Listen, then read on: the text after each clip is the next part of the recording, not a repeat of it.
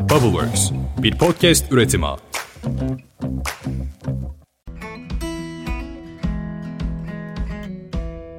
Herkese selam Ditopik Düşüncelere hoş geldiniz. Ben Dilara. Bugün biraz uzaklara giderek başlayacağız. 16. yüzyıla. 16. yüzyılın 1508 yılında Papa Julius II Sistine Şapeli için çok büyük bir proje düşündü. Ve bu proje için teklifi o zamanlar yapabilecek en yetenekli ve en ünlü heykeltıraşa götürdü. Michelangelo'ya. Michelangelo ona bu teklif gelmeden önce Pieta heykelini ve ünlü Davut heykelini yapmış, ününü kazanmış, başarısını yaymıştı. Yani 2. Julius'un bu zorlu ve büyük proje için Michelangelo'yu seçmesi çok da şaşırtıcı değildi.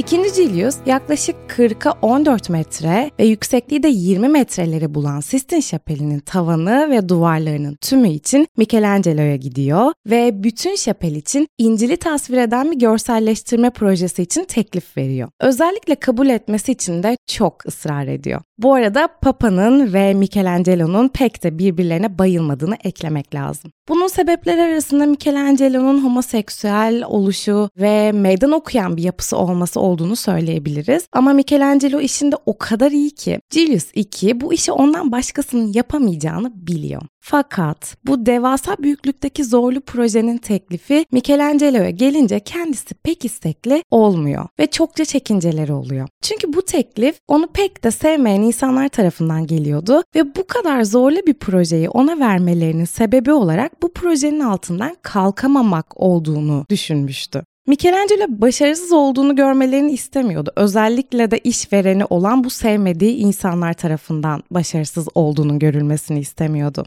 Ama sonrasında Papa ile bir anlaşmaya varıyorlar ve bu eseri yapmaya karar veriyor. Yani Papa'nın aslında öyle bir amacın olmadığını fark ediyor. Yaklaşık 4 yıl süren çalışmalarının sonucunda da Michelangelo Rönesans döneminin en görkemli ve en önemli eserlerinden birisini ortaya çıkarıyor. İncil'den hikayelerin anlatıldığı bu eserinde 300'den fazla eser yapıyor. Biri de Mona Lisa'dan sonra dünyada en çok replikası yapılan ve hepimizin çok iyi bildiği tavanın ortasında bulunan Adem'in yaratılışı yaratılışı. Sanılanın aksine kurulan hareketli iskeleye yatarak değil, ayakta başını kaldırarak yapıyor freskoları. Ve 4 yılın sonunda başarıyor bu eseri çıkarmayı. Yani çok başarılı oluyor. Sistine Şapeli'nin tavanından sonra Michelangelo aynı şapelde kıyamet günü duvarını da çiziyor. Bu duvarda çokça yapılı ve kaslı vücut görmemiz bize Michelangelo'nun ustalık dönemi eserini ortaya çıkardığını da gösteriyor. Çünkü Michelangelo insan anatomisini çok çalışan, gecesini gündüzüne katan, insan vücudunu anlamaya harcayan bir sanatçıydı. Bu da sonunda çalıştıklarının meyvesini yediği ustalık döneminin eserini bizlere kavuşturuyordu. Peki biz ne zaman altın çağımıza ulaşacaktık? İlla Michelangelo olmak durumunda değildik. Artık hiçbirimizin derdi de bence Michelangelo olmak değil. Biz şunu arıyoruz. Başarı ne demek? Nasıl ulaşacağız ona? Ulaştıktan sonra kendi altın çağımızı nasıl yaşayacağız? Hepimizin son yıllarda cevabını delilercesine aradığı o soruyu bugün de ben soruyorum. Nedir bu başarı ve bir şeyleri nasıl başaracağız? Başarının benim için ne demek olduğunu uzun uzun düşündüğüm bir dönemin içinden geçtim ve geçiyorum. Yaklaşık 8 ay önce kurumsalı bıraktım ve radikal bir kararla başka bir kurumsalın içine girmemek üzere içerik üreticiliğine doğru yüzmeye başladım. Başarı benim için o kadar somut bir şeydi ki yok ben mimarlığı bırakmıyorum bakın o kadar emek verdiğim şeye devam ediyorum demek için freelance olarak devam ettim ve gerçekten de devam ettim. Sabırsızlandım. Olmuyor herhalde başaramıyorum dedim. Michelangelo bile Sistine Şapeli'ni 4 yılda bitirmiş. Senin bir yılda bir şeyleri başaramaman normal değil mi Dilara'cığım demeden her şey olsun istedim. Hepimiz uzun uzun süren başarı hikayelerini okumak, dinlemek, izlemek istiyoruz ama kendimizin başarıları bir gecede gerçekleşsin istiyoruz. Ne ilginç değil mi? Peki neden hepimiz bu başarılı olabilmenin peşindeyiz? Ne olur yani başarılı olamasak? Bu soru kişisel bir sorun olmaktan çıkmış durumda bence. Artık bu sadece benim sorunum değil, hepimizin sorunu.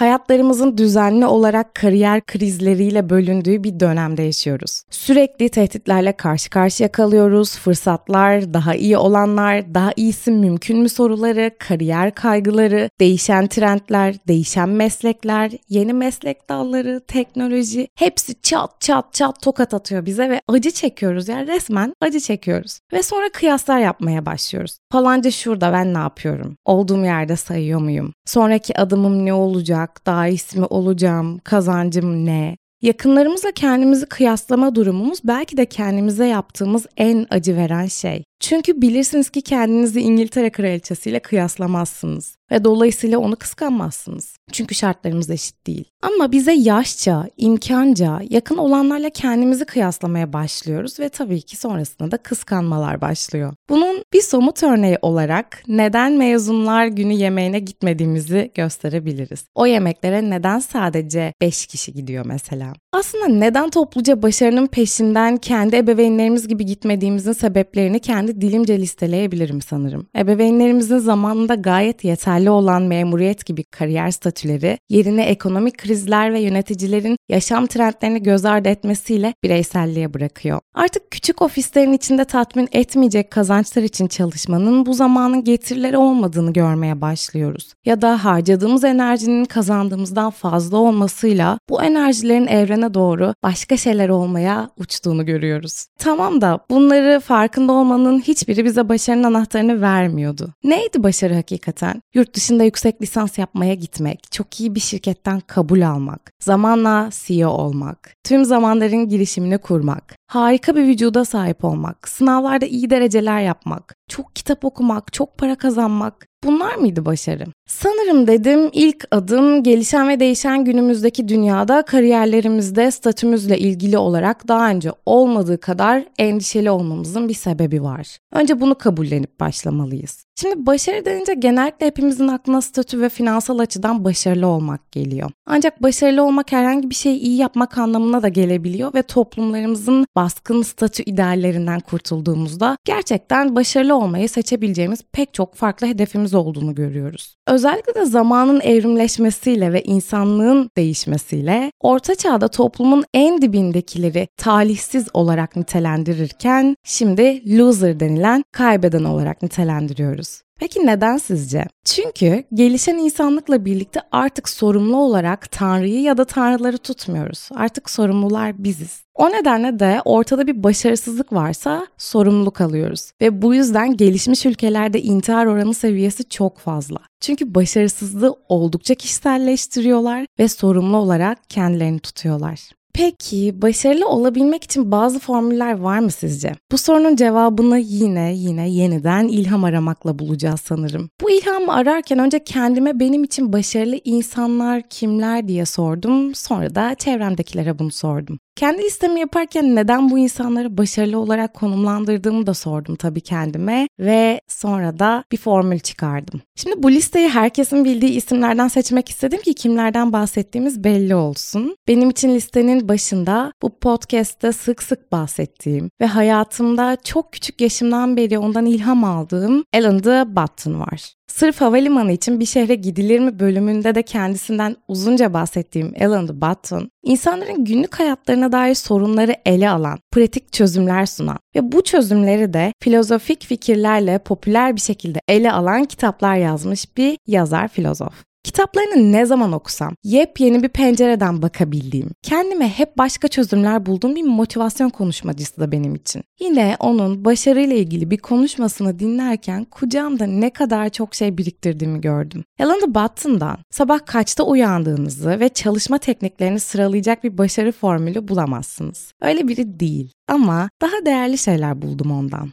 Hatırlarsanız biraz önce talihsizliğin zaman ile birlikte loserlığa yani kaybedenliğe evrildiğini anlattım. Alan de Botton diyor ki burada trajediye dalıyoruz. Antik Yunan tiyatrolarında 5. yüzyılda temel olarak insanların nasıl başarısız olduklarının izini süren bir sanat formu ortaya çıktı trajedi. Trajedi seyircide acıma ve korku duyguları uyandırarak ruhu tutkulardan temizlemek amacıyla yazılan ve kendi özgü katı kuralları olan bir oyun türü. Yani başarısızlıklar sahnelenmeye ve ilham olmaya başlıyor. Çünkü bu insanların üzerinde bir sempati yaratıyor. Ne demek istiyordu bu felsefe derken anladım. Bunun en güzel örneği Aşkı Memnun'un Bihter'iydi. Bihter çok şey kaybetmişti. Peki loser mıydı? Madem loser'da neden bu kadar çok seveni var bu kurgu karakterin? Tamam tamam çıkıyorum felsefeden ve Alan de Botton'ın bana kazandırdığı başarı cümlesini söylüyorum. Kaybeden olduğun zamanlarda bile kaybeden olmamayı başar. İyi de bunu nasıl yapacaktık? Bunun için Alan de Botton okumaya ve daha somut şeyler bulmanın peşinden gittim ve şunları buldum her konuda başarılı olamayacağımızı. Yani Behlül'ü seçiyorsak kalan hayatımız olamaz. İşkolikliği seçiyorsak sosyal hayatımız için fedakarlık gerek. İş yaşam dengesi pek mümkün değil. Yani kabullenme gerekiyor. Her şeye aynı anda sahip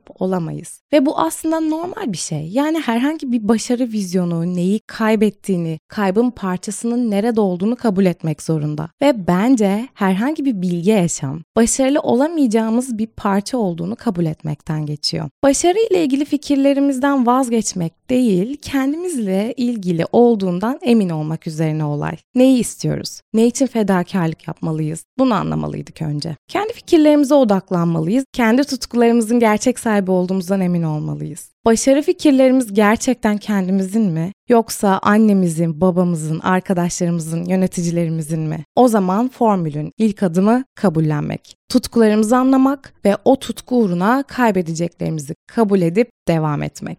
Tamam, çok güzel bir başlangıçtı benim için ama yetersizdi. Şimdi biraz da somut şeyler lazım bana. O yüzden başka isimleri tarattım aklımda. Benim için başarı denince bu ülkede aklıma kim geliyordu? Kimden ilham alıyordum? Çok uzun süre önce izleyip etkilendiğim Betül Mardin geldi aklıma. Evet dedim ondan somut bir şey bulabilirim. Çünkü Betül Mardin Türkiye'ye halkla ilişkiler mesleğini getirmiş ve yaymış bir isim. Hadi dedim formülün devamını çıkarayım. Betül Mardin hayata güçlüklerle başlamış, 5 yaşına kadar konuşamamış, 13 yaşına kadar kekeme olan bir çocukluk geçirmiş. Dadısı tarafından çokça dövülmüş de bir kadın ayrıca. Ve diyor ki güçlüklerle başlamak hayatın daha mükemmel olmasına yardımcı oluyor. E iyi de ben pek güçlük görmüş biri değilim yani şartlarım onunkine göre pek de fena değil. Az çok çoğumuz da böyle yani tahmin edebiliyorum. Ama dur dedim dur formülün devamını bulacağız. Betül Mardin 5 yaşında konuşmaya başlamış ve 13 yaşına kadar kekeme bir şekilde devam etmiş ama 10 yaşında yakınlarıyla gittiği bir piknikte edilen alaylara dayanamayıp tepedeki bir ağacın arkasına saklanıp kendine yemin veriyor. Ve o yemin için diyor ki o yemindir beni doğuran. Bir daha kimse benimle alay edemeyecek. Bu işi aşacağım diyor ve o günden sonra ağzına taş koyarak egzersizler yapmaya başlıyor. 13 yaşında gerçekten kekemeliği önemli ölçüde aşıyor. Bunun üstüne de formülün ilk adımı çıkıyor. İnandığımız şey için ant içmek ve çalışmak. Zaten kendisi de sürekli çok çalışın, her zaman çalışın. O sizi ayakta tutuyor. Beyninizi daha iyi çalıştırıyor diyor. Tamam, çok çalışmamız gerektiğini hepimiz biliyoruz. Ama tutkulu bir şeylere ihtiyacımız olduğunu unutuyoruz. Bence bunu bir kabul edelim.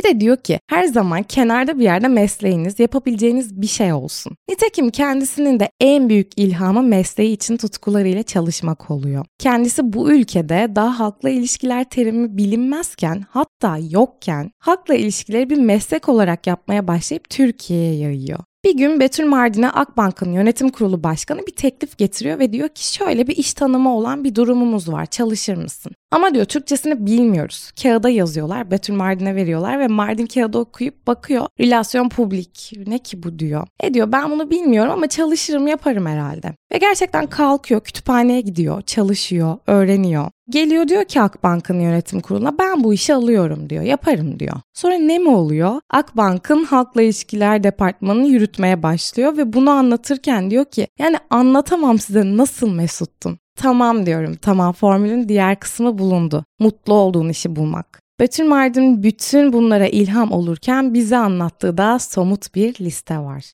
Günde bir kere et yiyorum. Mutlaka sebze ve meyve yiyorum. Günlük tutuyorum. Küçük notlar tutuyorum. Olumlu oluyorum. Bakın olumlu olun ne olursunuz. Her şeyi kötüden almayın. Dikkat edin. Yaşınıza göre hareket edin.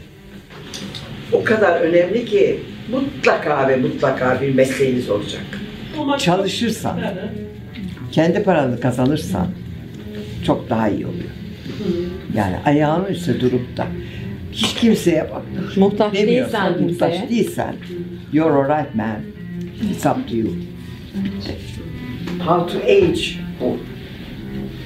Ve listenin en sonunda kendi yolunu çiz diyor. İşte bu Betül Mardin'in iyi yaşlanma listesi. Betül Mardin çok iyi bildiğimiz Haldun Dorman ile 8 yıl evli kalmış ve çok iyi bildiğimiz gazeteci Ayşe Arman'ın da kayınvalidesi. Ayrıca ayrılmış olmalarına rağmen hala Haldun Dorman ile çok iyi arkadaşlar. Peki evlilik? Onun cevabını da Alan the Button'da birlikte vermiştik. Bazı başarılar için bazı şeyleri kaybetmeyi kabullenmemiz gerektiğinin cevabını. Şimdi bana katılın ya da katılmayın evlilik de ayrı bir başarı öyküsü istiyor. Elbette kariyerle orantılı bir evlilik hikayesi de yazılabilir ama oraya da başka parametreler devreye giriyor. Ne istediğinizi bilmeyle ilgili parametreler. Şimdi evlilikten bir çıkalım çünkü tek başına bir podcast konusu olur. Ben formülümü tamamlamanın peşindeyim. Alan the Button'dan Betül Mardin'e formülü devam ettirdik ama hala bir şeyler eksik sanki. Bu noktada bana hep ilham olan başka bir ismi aradım. Kim olabilir, kim olabilir? Beni çok güldüren ama aynı zamanda tüm zamanlar listemdeki dizinin de yazarı kendisi. Ben de ifle olmaz bir romantik olduğum için Netflix'in Afterlife dizisini en sevdiklerim arasına koymuştum. Eşinin talihsiz ölümünden sonra hayata tutunmaya çalışan bir adamı büyük bir hüzünle ve tutkuyla anlatan Ricky Gervais'ten bahsediyorum. Neden ilham kaynağım olan biri? Çünkü hep hayran olduğum işler çıkarmış. Mesela çok komik bir seri olan The Office'te orijinal halinde onun kaleminden çıkma. Peki her şeyde inanılmaz bir zeki nüktedanlığıyla alay eden bu adam formülümüzün devamını nasıl getirecekti? Kendisinin rastladığım 2013 tarihli bir tweet'i bana formülün devamını veriyordu. Ricky Gervais tarafından atılmış bu tweette sadece bir link vardı ve şu yazıyordu. The secret of my success. Oh my god. Ricky'nin başarısının sırrı bu linkte dedim. Tıkladım. Röportaj açıldı. Hayran olduğunuz birinin başarı sırrını bulma fikri çok heyecan verici değil mi? Sonra ilk cümle şöyleydi. Ne zaman bana seninki gibi bir başarı isteyen birine ne tavsiye verirsin şeklinde standart bir soru sorulsa şunu söylüyorum. Evet geliyor. O da ne? Cümleyi okudum. E dedim e çok çalış. Çok çalışma. Bunu biliyoruz zaten Ricky'cim başka başka şeyler ver bize. Derken yazının cevabı formülün kalanında yazıyordu. Çok çalış, orijinal ol ve bildiklerin hakkında yaz. Tamam dedim. Tamam şimdi oldu. Orijinal ol ve bildiklerin hakkında yaz. Orijinal olmak derken zaten formülün içinde olmalıydı bence bu. Peki bildiklerimiz hakkında yazmak da neydi derken Ricky'ye dönüyoruz ve şöyle söylüyor. İlk için çok çalışmak dedim. Yalnızca en önemli olanı değil aynı zamanda bu esas olanı. Bir şey için çalışmak zorunda değilsen bunun gerçekten başarı olarak kabul edilemeyeceğine inanıyorum diyor. Çünkü şansı başarıdan saymıyorum. Sonra çok ama çok güzel bir şey söylüyor. Başarı insana belirli bir gurur verir ve şansla hatta zekilikle veya yetenekli olarak doğmakla gurur duyamayız. Önemli olan onlarla ne yaptığımız diyor. Yani Betül Mardin'den daha iyi şartlarda büyüyorsak ve şanslıysak da bu şansı nasıl kullandığımız önemli olan diyor. Sonra ofis dizisi için çok çalıştığını ve çabaladığını ekliyor. İkinci olarak diyor büyük bir ana akım başarı istiyorsanız orijinal olmak genellikle tehlikeli kabul edilir diyor. Çoğu insanın gücenmeden tüketebileceği ahenksiz şeyler yapmak daha güvenli görünür. Mesela birçok podcast, YouTube kanalı veya influencer içeriği gibi bunları söyleyebiliriz bence. Eğer sadece ticari başarı istiyorsanız orijinal olmayı dert etmeyin ancak daha yüce hırslarınız varsa ve bu ruhunuzu mahvediyorsa uzun vadede size başarı getirecek orijinal olmayı kazanmanız gerekiyor diyor. Üçüncü şey bildikleriniz hakkında yazmaktır diyor. Ve ofisi yapmanın ona bunu öğrettiğini söylüyor. 10 yıl boyunca gerçek bir ofiste çalışmış ve her zaman insanları izleyen biri olmuş kendisi. Gördüğü ve ona ilham olan her şeyi ama her şeyi yazmış. Sonuçta da ofis dizisini çıkarmış ortaya. Tamam dedim tamam çok iyi gidiyoruz. Ama bir şey daha eksik sanki bana, size, ona, herkese ilham olan son zamanlardaki popüler bir isme gideceğiz şimdi. Barış Özcan'a gideceğiz. Ondan çok önce ilham aldığım bir başarı detayı var. Dedim ki bunu formüle eklemeliyim. Bu formülümüz için gerekli. Gerçekten gerekli. O nedir diyecek olursanız Barış Özcan bize bir soru sorarak başlıyor. Başarılı olmamız için söylemeyi öğrenmemiz gereken kelime nedir? Net bir şekilde hayır diyebilmek. Ama öncelikle Barış Özcan'ın bize hep anlatmaya çalıştığı bir şey var bence. Her zaman yaratıcı olmak ve harekete geçmek üzerine. Bize sürekli yeni bir şeyler denemeyi, yapmak istediklerini daha fazla ertelememeyi, heyecanlanmayı, canlanmayı bize hatırlatan Barış Özcan ne anlatırsa yaşıyor ve heyecanlanarak anlatıyor. İşte bu nedenle de çok iyi bir hikaye anlatıcısı olabiliyor. O zaman onu ilham alabilirim dedim ve Barış Özcan'dan bize hayır demeyi bilmek çıktı. Çünkü başarılı olmak için odaklanmayı öğrenmemiz gerekiyor diyor. Bazı şeylere çok cazip de olsa, iyi bir fikir gibi gözükse de hayır deme cesaretini öğrenmemiz gerekiyor. Bunu Steve Jobs gibi olabilmek ya da iş dünyasında başarılı bir hale gelebilmek için de söylemiyor. Kendi küçük hayatlarımızda da geçerli bir prensip bu. Odaklanma gücümüzü emip kendi üzerine çekmeye çalışıyor hayır diyemediğimiz her an. Oysa bizim bu gücümüz sınırlı. Ancak hayatta yapmak istediklerimize yetecek kadar gücümüz var. Bu ilk maddemize çok yakın değil mi? Alan de Botton kabullenme teorisine yani. O zaman odağımıza sadık kalabilmemiz için hayır demek de başarı formülünün son adımlarından biri oluyor. Bu yıl başında Gülse Birsel'in Disney Plus için yaptığı yeni bir filmi çıktı biliyorsunuz. Yılbaşı Gecesi isminde. Bu filmden sonra Gülse Birsel'in tazecik bir röportajına denk geldim. Mutlaka görmüşsünüzdür. Avrupa Yakası'nın çıkış hikayesini anlattığı röportajı. Bu hikayede kanalın diziye pek güvenmeyip Avrupa Yakası'nı çok düşük profilli bir proje olarak görüldüğünü anlatıyor Gülse Birsel. Kanal Türk toplumu tarafından dizinin izlenmeyeceğini söylüyor ama bizim biricik Gülsem'imiz ısrarla senaryoya ne kadar güvendiğini, bu işi bildiğini anlatıyor kanala. Gülse Birsel'in bu ısrarlarından sonra kanal projeyi 7-8 bölüm yayınlarız diyerek kabul ediyor. Ve sonra bizim de hikayenin devamını çok iyi bildiğimiz biricik Avrupa yakamız reytinglerde birincilikten düşmeyerek getiriyor. Bu hikayeyi dinledikten sonra bir kere daha Gülse Birsel'in bu ülke için ne kadar ilham alınacak bir kadın olduğunu gördüm. Bir de üstüne düşüncelere daldım. Bana bu söylense üsteleyebilir miydim? Yani formülün en son adımı da sanırım yaptığımız işe tutkuyla sarılmak oluyor. Potansiyelimizin farkında olmak. Şimdi baştan sona bu başarılı olabilme sanatının formülü nedir diye bir bakalım. Alan de Botton'dan öğrendiğimiz kabullenmek, formülümüzün birinci ayağı, tutkularımızı anlamak ve o tutku uğruna kaybedeceklerimizi kabul edip devam etmek. Formülün ikinci ayağı Betül Mardin'den öğrendiklerimiz. İnandığımız şey için ant içmek ve çalışmak. İyi yaşalırken iyi yaşamak, mutlu olduğun işi bulmak. Formülün üçüncü ayağı Ricky Gervais'in üçlüsü. Çok çalışmak, orijinal olmak ve bildiğimiz her şeyi yazmak.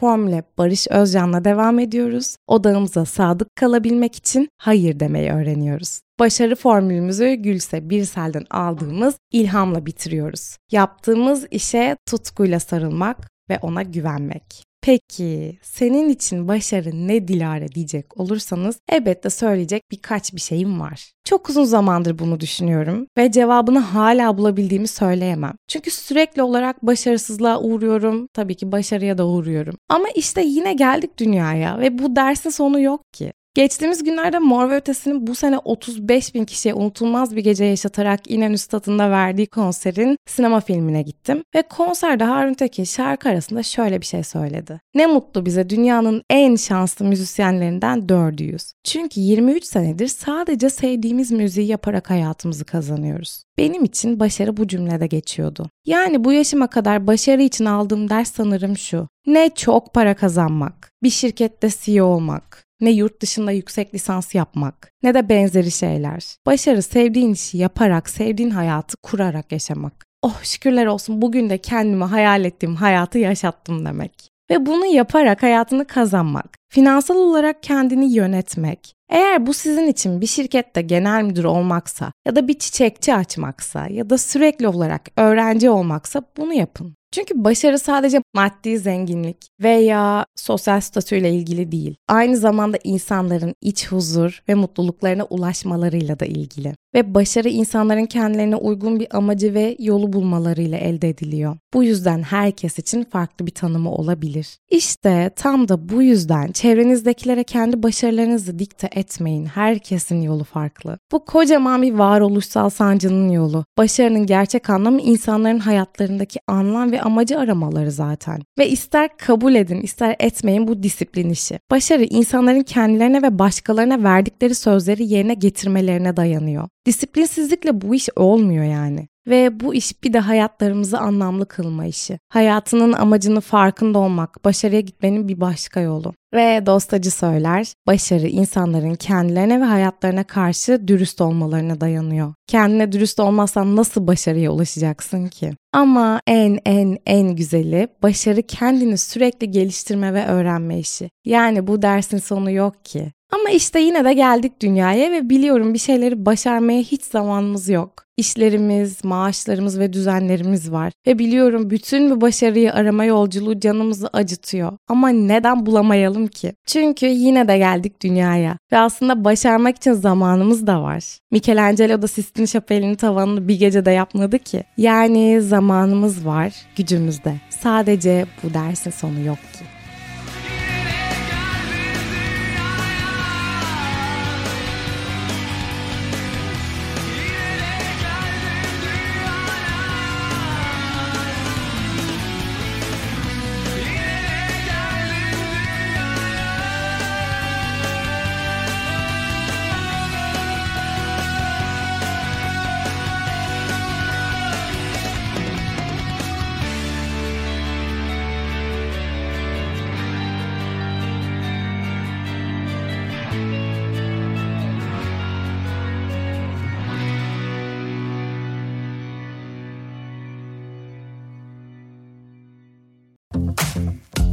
Bubbleworks, bir podcast üretimi.